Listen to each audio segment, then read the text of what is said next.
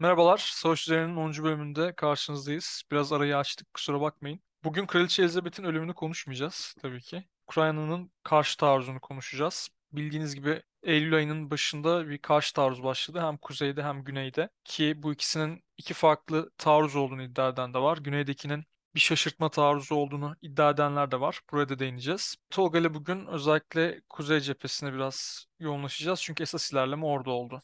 Ee, Herkese merhaba. Evet gerçekten de bu Ukrayna karşı taarruzu olarak adlandırılan bir, bir haftadır süren süreç bayağı e, trend topik oldu e, tüm uluslararası siyasette. Kraliçenin ölümü falan da arada kaynadı gitti. Biz de bugün e, olayın daha sıcağı sıcağınayken çok da üzerinden vakit geçmeden konuyu kısaca bir zaten çok yani Twitter'dan falan takip ediyorsanız açık kaynaklardan çok fazla bu konuda görüş var ama hızlı bir şekilde kendi fikirlerimizi çok da başka mesleklerin içerisine, sahasına girmeden yani işgal etmeden yorumlamaya çalışacağız. İstersen direkt bu kuzeydeki hattan başlayalım Tolga. Hı. Harkiv, İzyum ekseninde ciddi bir hat yarılması meydana geldi. Ukrayna e, ordusunun sayısal olarak da üstünlüğü sağladığı konuşuluyor.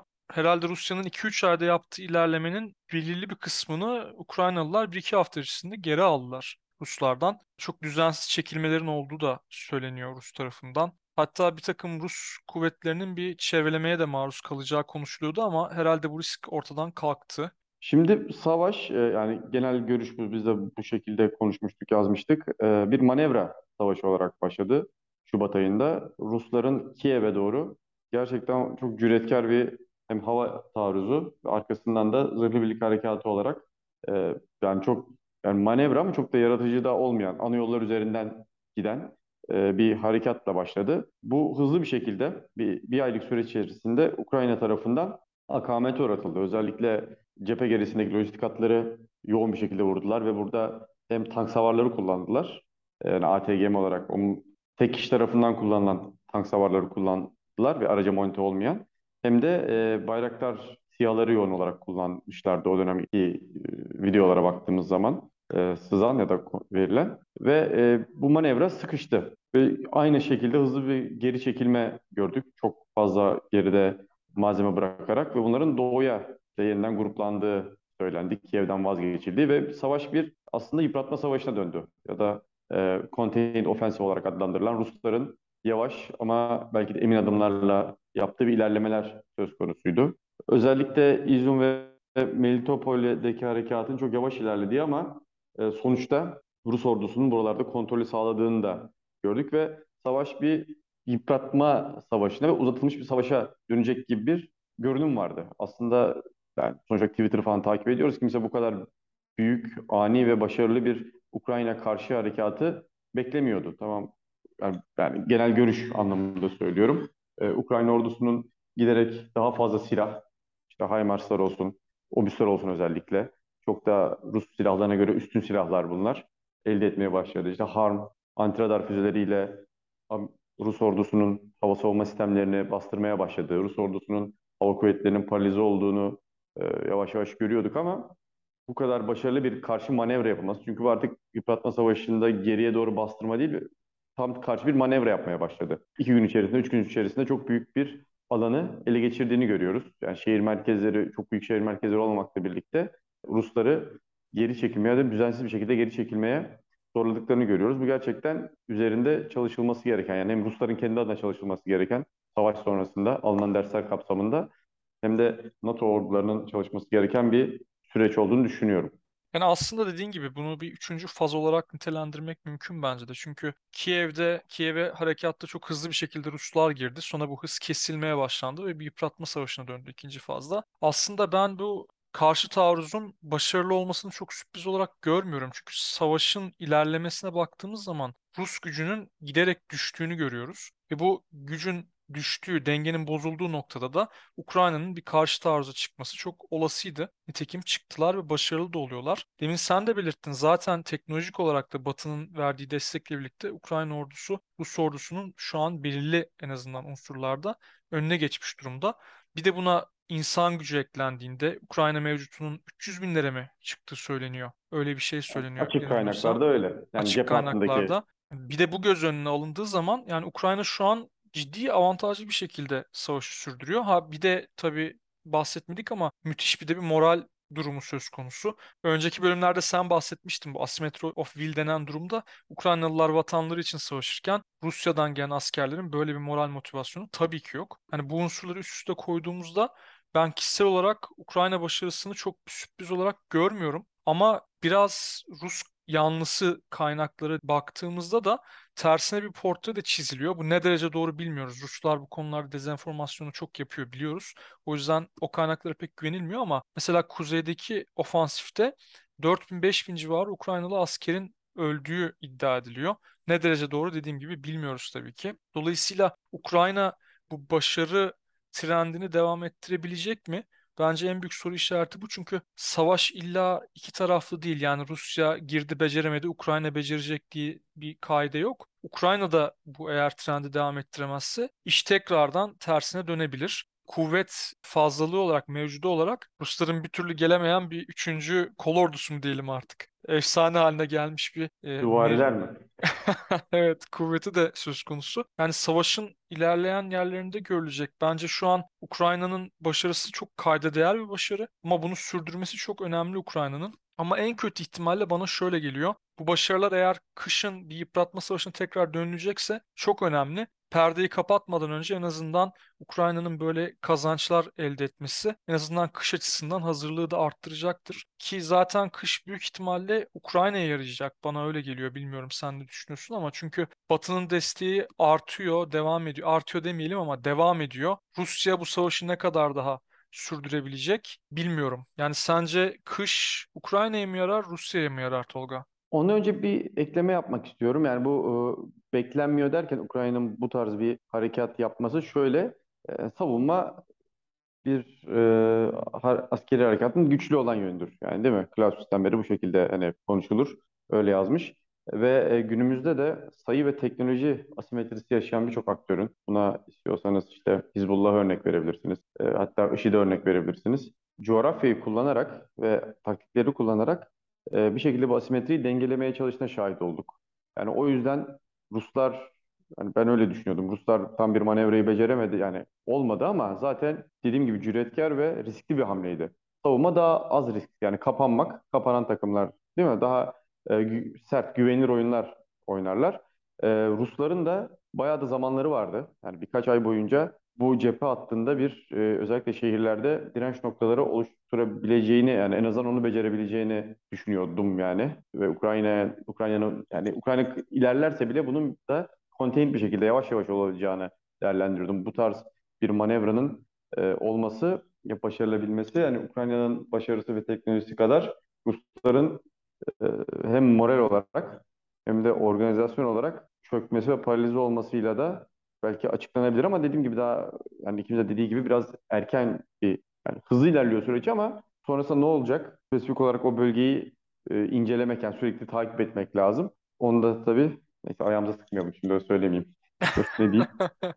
Onu da önümüzdeki dönemde göreceğiz. Kışın yani Winter is Coming konusuyla da şunu düşünmek lazım. Şimdi bir askeri stratejinin ne olduğunu 3 aşağı 5 yukarı görüyoruz ama siyasi stratejisi biraz daha örtülü gibi. Yani nereye kadar gidecek? Ukrayna ne istiyor? Tüm ilk başta söylediği gibi tüm Ukrayna'nın, Doğu Ukrayna'nın serbest özgürleştirilmesi mi? Tekrardan topraklara katılması mı? Yoksa işte Kırım'ın mı? Yani daha Kırım'a mı dönecek bu harekat bir yerden sonra? Kış öncesi bir e, hazırlık mı? Araya bir boşluk girdiği zaman ve kışın sonuç olarak bir gaz enerji sorunu ortaya çıkacağı kesin. Ukrayna belki işgal altında olduğu için buna dayanabilir ama Almanya ve Fransa buna ne kadar yani halkı ne kadar e, irade gösterecek ve Ukrayna'nın istekleri dışında bir barış ateşkes ortaya konulur mu? Bunlar için biraz daha siyasi boyutu ve e, bu gerçekten pek bilinmeyen bir durum. Yani bu biraz daha olayın gizemli konusu. Çünkü sürekli değişiyor. Belki liderlerin aklında bile yok şu anda. Ne yapacaklarını bile bilmiyorlar. Bir görelim pozisyonundalar. Ukrayna'nın kazançlarını iki taraf içinde. Avrupa Rus gazına bağımlı ama enerji açısından Rusya da ihracına bağımlı. Rusya'nın en önemli ihraç kalemi. Tamam, Çin'e ve Hindistan'a ihraç edecekleriyle eşitleyecek diyorlar ama onu da bilmiyoruz. Amerika nasıl bir strateji izleyecek Asya'da bu pazarlara yönelik olarak. Yani giderek şeyden yiyor, cepten yiyor Rusya bu anlamda.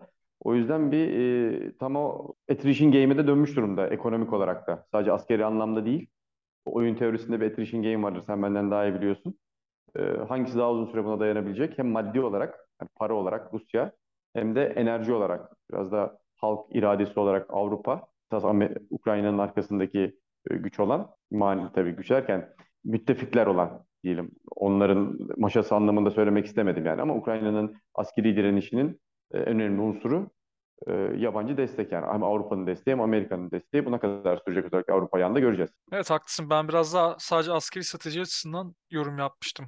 Daha holistik baktığımızda tabii Avrupa'nın desteği de bir soru işareti diyelim. Mesela geçen hafta mıydı? Çehya'da çok büyük bir protesto oldu yanılmıyorsam. Rus Ya gazı onlar Uk- kesileceği için. Uk- Uk- Ukrayna karşıtı değil de ya da Rus gazı değil de işte artan enflasyon, hayat pahalılığı gibi genel çerçevede bir şeydi galiba. Almanya'da falan da olmuş.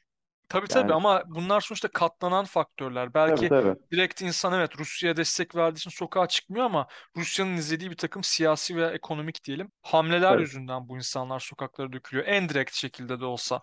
Tabii aynen katılıyorum. Biraz da istersen en son e, şeyi konuşalım uzatmadan. Güneydeki cepheyi konuşalım. Çünkü güneydeki cephenin Herson cephesinin diyelim şaşırtma taarruzu olduğunu iddia edenler oldu. Bazıları Ukrayna başarısız oldu. O yüzden şaşırtma taarruzu diye bu işi etiketliyorlar dediler. Burada Rus ordusunun, Rus birliklerinin daha sert bir mukavemeti olduğu konuşuluyor. Ee, özellikle coğrafi faktörler de göz önüne katıldığında aslında senin dediğin gibi defans da zaten avantajlı bir konumda olduğu için Rusların herhalde buradaki avantajı çok daha yüksek. Fakat bununla birlikte Kırım'ın belki tehdit edilebilir olması bir Güney cephesinin çökmesi açısından Rusların burada birliklerini konuşlandırma zorunluluğu da doğuruyor. Sen ne düşünüyorsun Güney'deki cepheyle ilgili?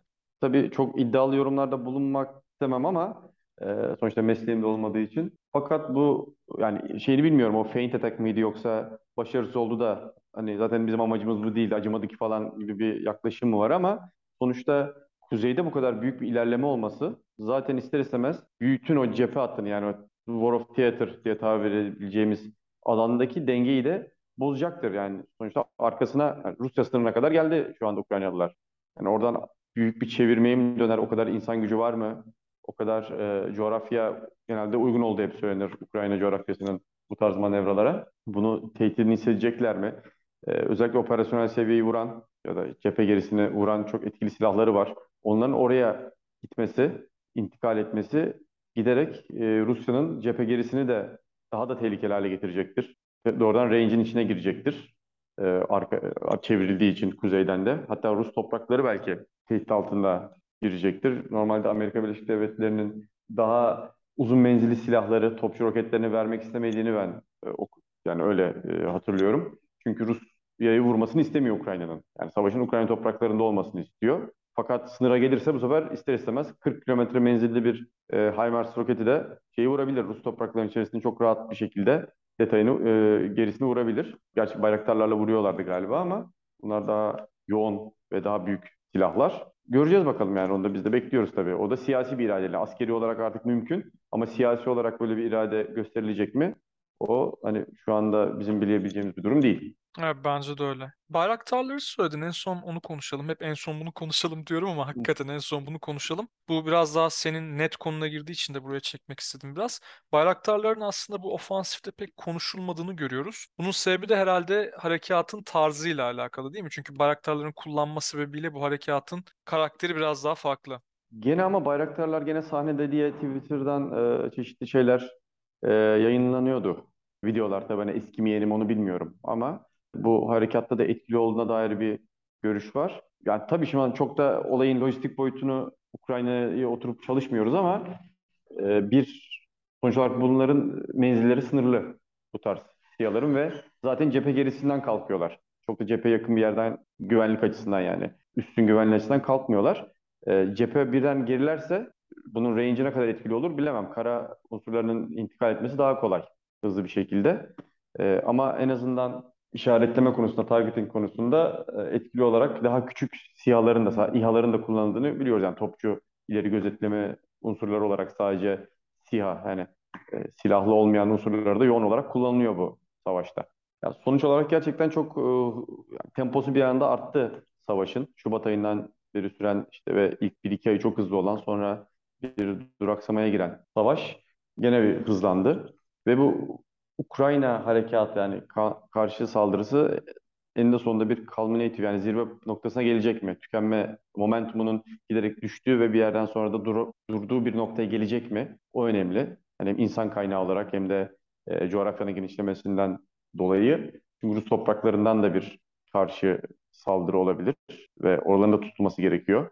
Sadece ordunun peşinde Napolyon orduları gibi imha edecek ordu aramıyorsunuz. Ve bu culminative point'e geldikten sonra Ruslar karşı taarruz mu yapacak yoksa tekrardan bir duraksamaya mı gireceğiz? Tekrardan bir attrition warfare'e mi dönecek? Onu bekliyoruz. Dediğim gibi siyasi bir çözüm o arada kışta geleceği için yapılır mı? Ateşkes ilan edilir mi? Bunları da hep beraber izleyip göreceğiz. Yani şimdiden kesin şu olur demek biraz e, iddialı olur düşüncesindeyim. Bence de fazla iddialı olur zaten. Bir de terse düşme ihtimalin var. Sonra uzun uzun reklamın yapılıyor. Böyle demişti de şöyle oldu diye. Böyle bir reklamın mı yapıldı abi? Reklamın yapılıyor deyince şey oldu. Yok reklamını yapmak derken senin reklamın değil canım. Bizimle alakalı değil de. Geçenlerde ünlü birisi vardı. Unuttum da kim olduğunu. Onu site etmişlerdi. Adam Şubat'ın ortalarında falan işte Ukrayna patates olur. iki haftada Rusya Kiev'i alır falan diye konuşmuş. Adamın hala makarasını yapıyorlar. O yüzden çok da iddialı bir şeyler söylememek lazım. Ya adamı vezir de eder, rezil de eder bu Evet şeyler yani. evet. Çünkü yapacak bir şey yok. İşte özellikle konuya biraz da ideolojik olarak yaklaşıyorsan, hani tarafsız subjektif yaklaşıyorsan e, hata yapma olasılığın daha fazla. Gerçi e, neydi adamın adı ya? Senin Lutfak falan da galiba bayağı CIA'ye vuruyor yani. Abi abi E, Lütfak Lütfak geldi başarı 80 yaşına adam yazlığında porçtan sallıyor sağa sola. Her konuya bir yorumu var Lütfak. Lütfak artık dede pozisyonunda dinliyorum ben yani çok ciddi ciddi. Hayat lütfu güzel. Ya şey diyorlar işte CIA e, ya da işte Amerikan istihbarat topluluğu e, Rusların hızlı bir başarı sağlayacağını öngördü fakat başarılı olmadı. Fakat hala ki herkes yerinde oturuyor falan gibi bir şey. Esasında başarısızlıktır, analiz başarısızlığıdır, e, intelligence failure'dır ama hala bir şey yok gibi bir yorum var yani. Ha onu Genel okumadım görüş ben. CIA'nin de zaten Amerika'nın da bu şekilde düşündüğü yani genel görüşün Şubat ayında, Şubat'ın sonunda Rusların hızlı bir başarı kazanacağı yönünde olduğu yani Hmm. algının. Ama bu hatalar yapılıyor. Şimdi tarihçi değilim. Tam o yüzden e, kaynağı hatırlamıyorum ama yanılmıyorsam İkinci Dünya Savaşı öncesinde de İngilizler böyle bir yorum yapıyorlar. Polonya ordusu mu daha güçlü, Sovyet ordusu mu daha güçlü diye ve galiba raporlarda Polonya ordusunun daha iyi Almanlara karşı mukavemet göstereceği yazılmış. İşte o yüzden Polonya ile birlikte böyle bir müttefikle ilgilenelim falan gibi bir şeyler konuşulmuş galiba. Şimdi yalan olmasın buraya bir soru işareti koyarak bu bilgiyi vereyim ama bu herhalde Belki normal yani istihbaratın devamlı yüzde yüz etkili olma ihtimali zaten yok. Sen daha iyi bilirsin ama. yok analiz böyle yani sonuçta bir riske giriyorsun, görüşünü söylüyorsun. Bir hipotezin var değil mi? Ruslar başarılı olacak mı? Artıları koyuyorsun, eksileri koyuyorsun. Subjektif olarak bir karar veriyorsun yani bu sonuçta yüzde yüz doğru olacak diye bir şey yok ama tabii ki de doğruluk oranın yüzden de önemli. Her dediğin şey patates çıkıyorsa o zaman sende bir tırtlık olabilir. Kendine Evet. bakman Sevdiğim bir hocam şey gerekli. demişti. İyi bir uluslararası ilişkiler analistinin %60 dediği tutuyorsa çok iyi bir analisttir demişti. Biraz herhalde oraya geliyoruz yani. Ortalamanın üstünde, yarının üstüne çıktığın zaman da iyi kabul bu şey edilebiliyorsun. buna Amerika'da e, bet percentage mi bir şey diyorlar yani beyzbolda işte hani vurma yüzden kaç. Bunu şey Türkiye'ye şeye çevirebiliriz. Bu penaltı atışlarından önce kaleyi veriyordu işte attıklarını yeşil, ata, kaçırdıklarını kırmızıyla falan işaretliyor o sezon içerisinde. Onun gibi. Bakıyorsun Evet. adam kaçını sağ atmış, kaçını sol atmış, kaçını kaçırmış. Evet. Adam iyi bir penaltıcı mı değil mi? Üç aşağı beş yukarı bir kafanda şey oluşuyor. Hepsi girdiyse ha bu gene atar diyorsun. Bu da biraz onun gibi. Ama tabii bunun çetelesi tutulmadığı için bir gün sallayanlar ertesi gün gene sallayabiliyor. Sorun yok. Evet. Kapatacağız dedik. Laf lafı açtı. En son şunu söyleyeyim. Bu dediğinle alakalı bu Talk vardı. Philip Talk değil mi? Yanlış hatırlamıyorsam. Bu eksperlerin yaptığı tahminlerin ne kadar tuttuğu ile ilgili bir istatistik tutuyor. Ve şunu görüyor. Rastgele sallasan daha fazla tutuyormuş. Eksperlerin dediğinden. Tabii herkes için söylemiyor bunu. Bir takım eksperler daha iyi. Clausewitzyen bir terminolojiyle kudövleri daha kuvvetli diyelim. Ama genel olarak baktığın zaman uzman olarak geçinen kişilerin söylediğiyle rastgele sallamanın neredeyse eşit hatta rastgele sallamanın daha ileride olduğunu başarı oranı olarak söylüyordu Ted Lok. Bu da benim sık sık kullandığım uzmanlarla ilgili bir anekdot olarak tekrar burada söyleyeyim. İstersen ufaktan da kapayalım çünkü aslında Tamam. seninle tete tete olduğumuzda daha kısa yapıyorduk. Bu sefer biraz uzadı. Tamam. Tabii ki de zaten bu işleyen bir süreç, dinamik bir süreç. Ee, bakalım bu hafta ne olacak yani. Söylediklerimiz ters de çıkabilir. Yani tam tersi bir şey de olabilir. Çünkü e, gerçekten herkesin, ben Twitter'dan falan takip ediyorum. Birçok bu konunun uzmanı olabilecek, sayılacak insan biraz şey davranıyor. Çekimser demeyeyim de ihtiyatlı İddiasız. davranıyor. Evet, İhtiyatlı iddiasız. diyelim, ihtiyatlı davranıyor. Bence de haklılar. Ya Çünkü tabii çok aslında dinamik bir süreç. Hızlı Evet, a- gelişiyor. akıllı karar bu zaten yani bu kadar dediğin gibi dinamik bir süreçte kesin yargılarda bulunmak. K1 düşünceyle konuşan bir takım kişiler oluyor. Onları görünce de insan biraz tebessüm ediyor. Genelde de tutmuyor zaten dedikleri. Dediğin gibi. O yüzden ihtiyatlı olmakta yarar var. O zaman kapatalım. Görüşmek üzere bir sonraki bölümde. Hoşça kalın. Görüşmek üzere.